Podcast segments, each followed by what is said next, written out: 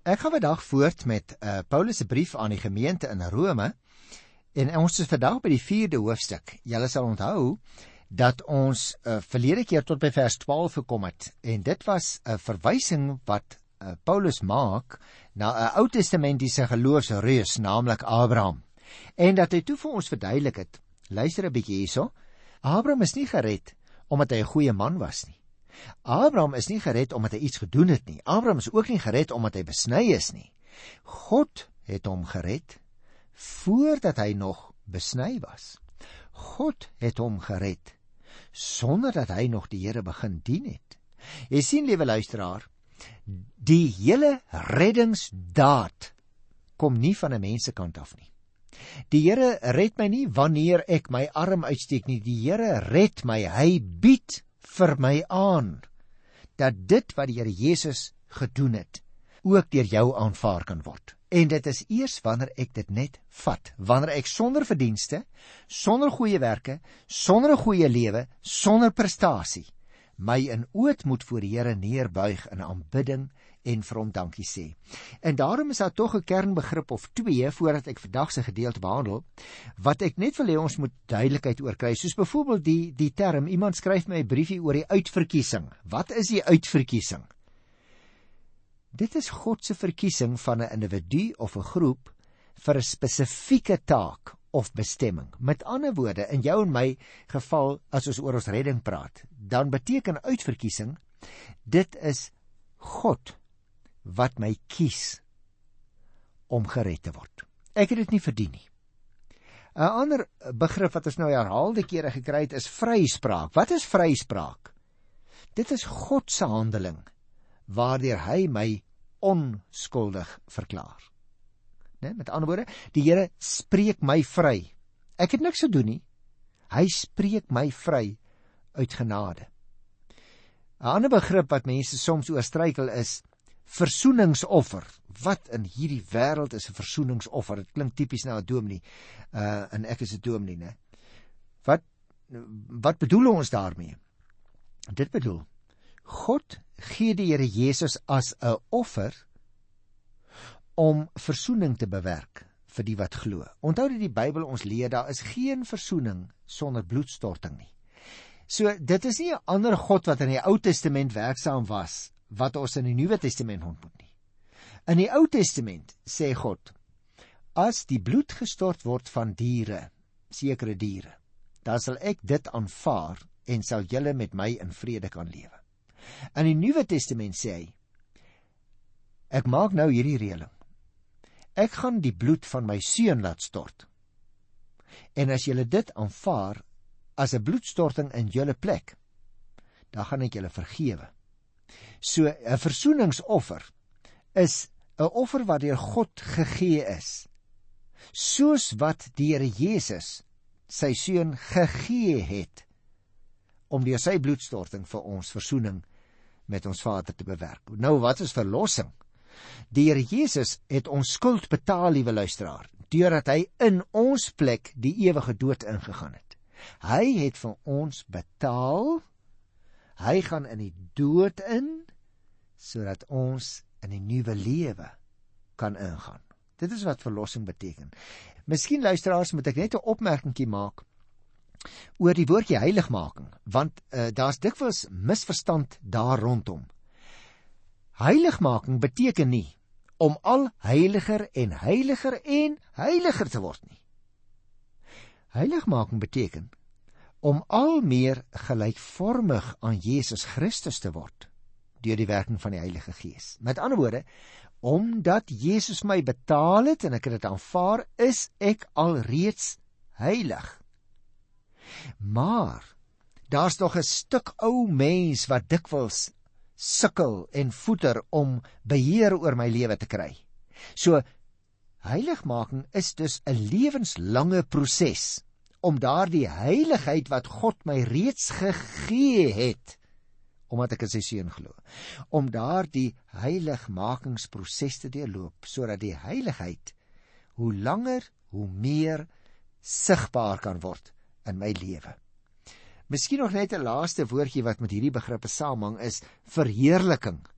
Wat is verheerliking? Dit is die uiteindelike toestand van die gelowige wanneer jy en ek soos die Here Jesus sal wees. Jy onthou die Here Jesus is verheerlik by geleentheid daar op 'n berg. En ons uiteindelike toestand van finaal nuut word. Dit lê nog vir ons voor wanneer ons soos die Here Jesus Christus sal wees.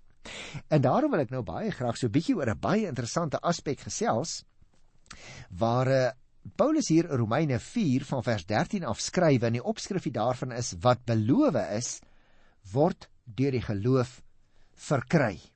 En ek dink dit is baie belangrik dat ons dit sal verstaan, want so gaan hy nou verduidelik, Abraham ontvang wat die Here hom beloof het uit genade. So oorsigtelik oor die paar versies wat ek vandag gaan behandel, Romeine 4 vers 13 tot 25, net hierdie opmerkingies. Abraham ontvang God se beloftes slegs uit genade. Paulus gaan nou aantoon, liewe luisteraars, dat dit wat na die vryspraak gevolg het, naamlik God se beloftes of as jy wil God se toeseggings dat sy nageslag die wêreld as besitting sal ontvang, ook nie aan hom gegee is omdat hy dit met goeie dade verdien het nie. Selfs ou Abraham kon niks vir die Here verdien nie. Hy het al daardie dinge uiteindelik ontvang uit genade. Met ander woorde, dubbel en dwars is dit nou bewys, sê die apostel as dit ware. Goeie dade verdien by God niks punte nie. Jy kan nie daardeur gered word nie. Luister na vers 13. Dit is trouens nie omdat Abraham die wet van Moses onderhou het dat hy aan hom en sy nageslag die beloftes gegee is dat hy die wêreld as besitting sal ontvang nie maar omdat hy vrygespreek is deurdat hy geglo het. Onthou jy nog? Ek het dit net nou verduidelik. Paulus verduidelik alreeds hier in die 13de versie die tema van hierdie gedeelte, naamlik dat God sy belofte aan Abraham dat hy die wêreld as besitting sal ontvang, nie op grond van wetsonderhouding gekry het nie, maar op grond van die feit dat hy deur die geloof vrygespreek is. Kom ek sê dit anders, liewe luisteraar. Die geloof en die vryspraak is dus bepalend ten opsigte van die belofte. Ons lees byvoorbeeld in Genesis van verskillende beloftes van die Here aan Abraham, naamlik dat hy byvoorbeeld 'n seun sou ontvang. Dat hy byvoorbeeld 'n groot nasie sou word. Dat hy byvoorbeeld Kanaan as erfenis sou kry. Dat hy byvoorbeeld geseën sou word dat hy byvoorbeeld 'n seën vir al die volke op die aarde sou wees. Met ander woorde, die Here gee hom al daardie beloftes. Nou, uit 'n kombinasie van hierdie beloftes van God, het die verwagting onder die Jode geleidelik begin groei dat Abraham deur sy nageslag die wêreld sou beerwe. Ongetwyfeld het daar in hierdie gedagte ook 'n messiaanse element geskuil. Paulus se wêreldwye visie ten opsigte van Abraham se erfenis het ook messiaanse dimensies bevat. Maar nou, in teenstelling met die Joodse opvatting, het dit 'n geestelike karakter besit. Dit is wat die apostel hier vir ons wil tuisbring. Let op in vers 14 na wat hier genoem word wetsonderhouding. Luister 'n bietjie. As mense deur wetsonderhouding deelgenote van die beloftes sou kon word, sou die geloof sy betekenis verloor het en die belofte sy krag. Wetsonderhouding, liewe luisteraar, en geloof as middele om die vervulling van God se belofte te verkry, is eenvoudig onverzoenbaar. Met ander woorde, as 'n mens die evangelie aanvaar dat jy verlossing kry deur die geloof, die geloof dat Christus vir jou gesterf het en betaal het. Dan kan jy nie terselfdertyd ook nog probeer om 'n klomp goeie reëls na te kom sodat jy tog net seker sal maak jy word gered nie. Wetsonderhouding is nie 'n manier om gered te word nie. Dit is dus 'n siening van of die een of die ander. En Christene kan dus nie meer die siening hê van ek moet iets probeer verdoen nie. Doen nie. Ek moet iets verrig nie, né? Christene kan net een siening hê. Ek is uit genade gered. Ek het dit nie verdien nie. Luister na vers 15 en 16. Die wet bring juis die straf van God. Want waar daar nie 'n wet is nie, is daar ook geen oortreding van die wet nie. Daarom het die belofte deur die geloof en dus uit genade tot Abraham gekom sodat dit van krag sou bly vir sy hele nageslag. En sy nageslag is nie net die wat die wet ontvang het nie, maar ook die wat glo soos Abraham geglo het. Nou dis 'n wonderlike ding, liewe luisteraar, want daarmee sê die apostel Abraham se nageslag is nie net die Jode nie. Nee, sê hy.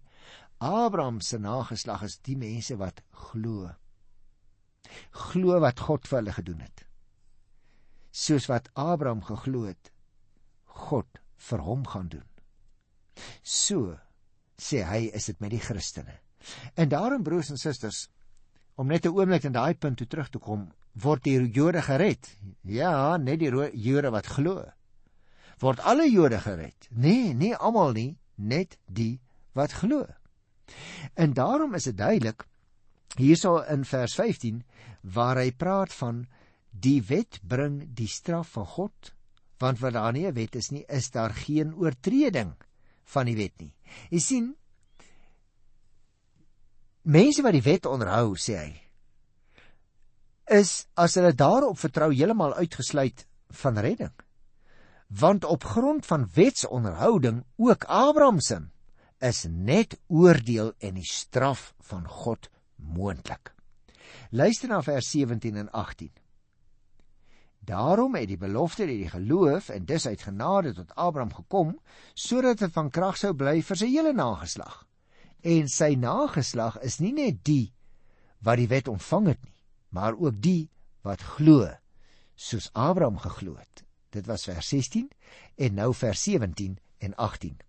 Hy is immers die vader van ons almal, soos daar geskrywe staan. Ek het jou die vader van baie nasies gemaak. Dit is hy in die oë van God in wie hy geglo het. God wat dooi is, lewend maak en dinge wat nie bestaan nie tot stand bring deur sy woord. Toe daar geen hoop meer was nie, het Abraham nog gehoop en geglo en so die vader van baie nasies geword volgens die belofte, so sal jou nageslag wees. Nou liewe luisteraar, die toesegging aan Abraham dat al die volke van die aarde in hom geseën sal wees, onthou jy, ons het dit behandel by Genesis 12 vers 3, is in Jesus Christus vervul skryf die apostel. Hy wat Jesus is, is uit Abraham se nageslag gebore en was vir die hele wêreld tot seën. Daar is dus eintlik maar net luisteraar hierdie een moontlikheid oor. Die moontlikheid van geloof, genade as jy wil. Op hierdie geloofsbasis staan die belofte vas vir Abraham se hele nageslag, vir Joodse en nie-Joodse gelowiges. En daarom onderstreep Paulus dit hier so duidelik dat ons die kwaliteit van Abraham se geloof as 'n absolute vertroue op en afhanklikheid van God as 'n totale op sy woord neem van God teen alle sigbare werklikhede in. Die 16de vers het dit beklemtoon en eh, Paulus onderstreep dit in vers 17 as hy sê dit is hy in die oë van God. Nou waarop sou dit dui? daai opmerking. Dit dui liewe luisteraar aan dat Abraham lank voordat hy fisiek nog vader geword het, al voor die almagtige God as vader van baie nasies gegeld het. Die twee beskrywings van God se volkomme almag hier in vers 17b was dan ook onder die Jode baie goed bekend en beklemtoon weer eens hoe nou Paulus met sy volk verbonde is. Die fundamentele verskil is natuurlik dat wat vir die rabbies Abraham se geloof as sodanige stuk werkverdienste geword het, terwyl geloof vir Paulus lynreg teen alle menslike prestasie in aangeteken word. En daarom luister na vers 19. Al was hy so wat 100 jaar oud, al, al het hy dus goed besef dat sy liggaam reeds gedaan was en dat Sara te oud was om kinders te hê, het sy geloof nie verswak nie. Nou liewe luisteraar, is baie mooi gesê. Hy sê hierdie was al 'n ou man. Hy was fisies nie meer sterk nie, maar sy geloof in God was tog sterk. Hy het geweet hy kan homself nie red nie. Maar God se genade, God se betrokkenheid by hierdie persoon, al was hy al oud, het tot gevolg gehad dat hy gered kon word. Ek wil tog 'n baie spesiale uh, opmerking maak, liewe luisteraar, op hierdie spesifieke punt. Want moontlik is daar ook heelwat ou mense, senior mense wat na ons program luister. Immers, ek hoop so, want julle is gewoonlik die ouens wat die getrouste voorbidders is ook vir ons program. So blyk blyk dit uit die briefies wat ons van julle kry. Tog wil ek aan die adres van ons senior mense sê. Liewe luisteraar, Jy moet doodseker maak of jy in die Here Jesus Christus glo. Het jy die aanbod van God om in sy seun te glo en so 'n vrygespreekte te word, het jy daardie aanbod van die Here aanvaar? Want jy weet 'n mens kan vorder tot in jou grysse ouderdom. Jy kan selfs in die kerk groot geword het jou hele lewe lank soos ons dit gewoonlik uitdruk, né? Ek is in die kerk gebore en groot geword, sê mense soms. Maak nie saak eers watter kerk dit was nie, maar die kerk kan jou nie red nie. Net soos Abraham nie gered kon word as die Here hom nie gered het nie. Luister 'n bietjie hierso by vers 20 tot 22 hier in Romeine by die 4de hoofstuk. Hy het nie in ongeloof begin twyfel aan die belofte van God nie. Maar hy is in sy geloof versterk en het aan God die eer gegee. Hy was ook ten volle daarvan oortuig dat God mag het om te doen wat hy beloof het. Deurdat Abraham geglo het, het God hom dus vrygespreek. En liewe luisteraar, hierdie is 'n uiters uiters belangrike opmerking wat hier in die Bybel gemaak word. Abraham het nie toegelaat dat die harde werklikhede van sy moeilike omstandighede hom permanent in vertwyfeling laat kom het nie. Hy het ook oortree natuurlik want hy was 'n sondaar. Maar jy en ek wil dikwels as dit waar die geloof prys gee as dit soms met ons moeilik gaan. Natuurlik het Abraham baie foute gemaak in sy lewe ook. Maar hy het altyd bly glo dat God dit wat hy beloof het waar sal maak. Jy het ook beloftes van die Here ontvang, liewe luisteraar. Byvoorbeeld dat hy sy gees aan die gee wat hom daarvoor vra. Dat hy sy kinders bewaar dat hy end uit getrou sal bly om ons deur te dra. Hierdie soort van beloftes het jy sekerlik ook al vir jou opgeëis in die Bybel. Hy is die Almagtige en hy doen wat hy beloof het, luisteraar. Daaraan hoef jy nooit ooit te twyfel nie. En daarom die woorde wat ons hier kry in vers 20 tot 22, hy het nie in ongeloof begin twyfel nie, né? slaan natuurlik op Abraham se geloofsvertroue as 'n totale lewenshouding. Wat bedoel ek daarmee?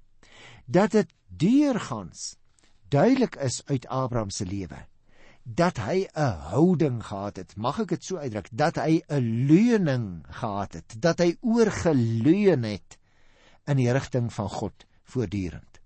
Nou natuurlik luisteraar, in die praktyk was daar wel ook by Abraham laagtepunte. Selfs tye van diepe aanvegting van verskillende kante. Maar dan lees ons nog. En hy, dit is nou Abraham, het aan God die eer gegee. Hy dit is dus ten nouste aan die voorafgaande verbind en dit dui daarop dat God juis in die geloofsdaad geëer word omdat daarin sy almagtige God wees erken word. Dit bring my dan, liewe luisteraar, by vers 23 en 24 hier by Romeine 4. Kom ek lees dit so 'n bietjie vir jou want dit is wonderlike verse.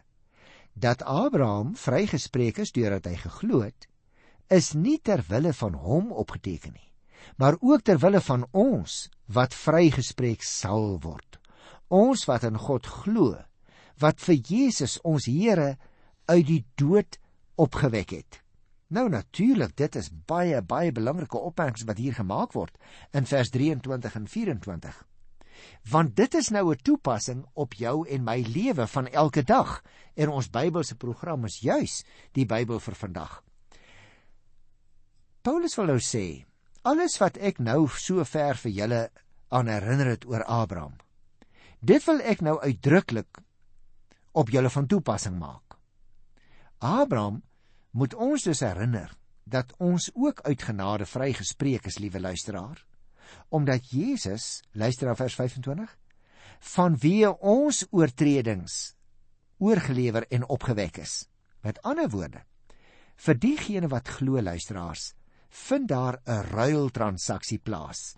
Ons gee ons sondes vir Christus en die Here gee ons die vryspraak wat Christus verdien het vir ons. Ons kan eintlik niks doen om hierdie vryspraak te verdien nie. Ons kan dit net maar in dankbaarheid ontvang. En daarom is dit belangrik. Dit volg nadat Paulus lank gepraat het dat hy nou vir ons hier uh, in vers 23 en 24 wil sê, die Abraham se geskiedenis staan ook ter wille van ons opgeteken. Dis nie om dowe neute te sê hy dat die Here die verhale van Abraham laat aanteken het nie.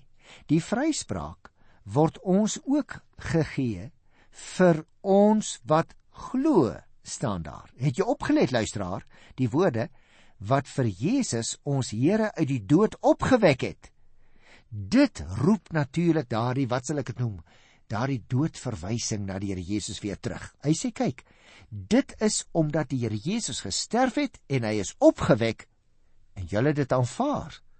Daarom dat julle gered word. Die God wat sy wondermag aan die halfdooie Abraham en Sara beloof het, het dit nog veel heerliker aan die heeltemal gestorwe Jesus betoon. Met ander woorde, Abraham was wonderlik. Sara was wonderlik. Maar hulle kon ons nie red nie. Hulle dood sou nie plaasvervangend in ons plek wees nie. Vir die Christene is die sterwe en die opstanding van die Here Jesus dus ononderhandelbaar, want ons beskou dit as 'n plaasvervangende sterwe. Ons sien dit as die Here Jesus het in my plek sy sondelose lewe gegee sodat ek sonde bevlekte mens vry kan word. En daarom wil ek graag afsluit met die laaste versie van Romeine 4. Daar staan in vers 25: Christus is van wie ons oortredings oorgelewer. En hy is opgewek sodat ons vrygespreek kon word.